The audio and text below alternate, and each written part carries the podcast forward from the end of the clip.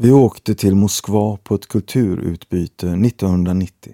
Det var Svartklubben Östra Liden i Göteborg med Donald i spetsen och Gunilla vid sin sida som administrerade detta stora projekt och som jag fick vara med i tillsammans med ett 40-tal andra kulturarbetare.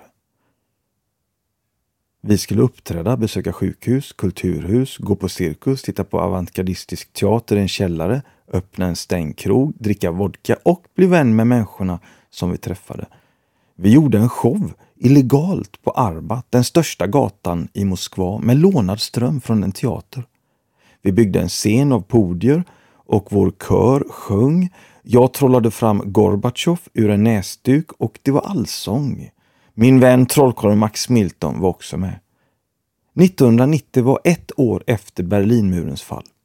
Sovjetunionen var i upplösning och det skulle bli en ny tid. Första kvällen uppträdde vi i ett slags kulturhus som påminde mycket om Blå stället i Angered centrum.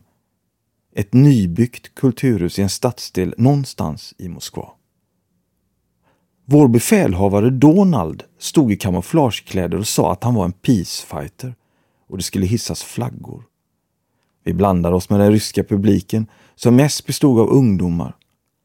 De bommade cigaretter och det var en mysig stämning. Den ryska nationalsången dånade i högtalaren och den ryska flaggan hissades.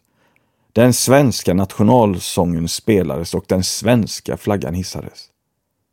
Donald hade själv målat, tror jag, en vit flagga som det stod Kings Road 15 på.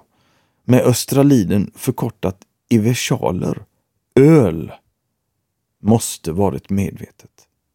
Den hissades till Östra Lidens egna nationalsång, alltså Sprach Zarathustra, opus 30 av Richard Strauss. Den låten som Elvis Presley inledde sina shower med på 70-talet. Helt absurt och genialt på något vis. Jag var 20 år och fräck och ung, blond, driven och otålig. Men jag blev kär den kvällen. Vi bodde nämligen hemma hos värdfamiljer. Dottern i familjen hette Lena. Hon och jag använde en palör för att hitta användbara fraser så att vi kunde prata med varandra. Vi kysstes. Jag grät på flygplatsen när jag lämnade Moskva. Vad blev det av henne undrar jag idag. Hur ser hon på allt som händer nu?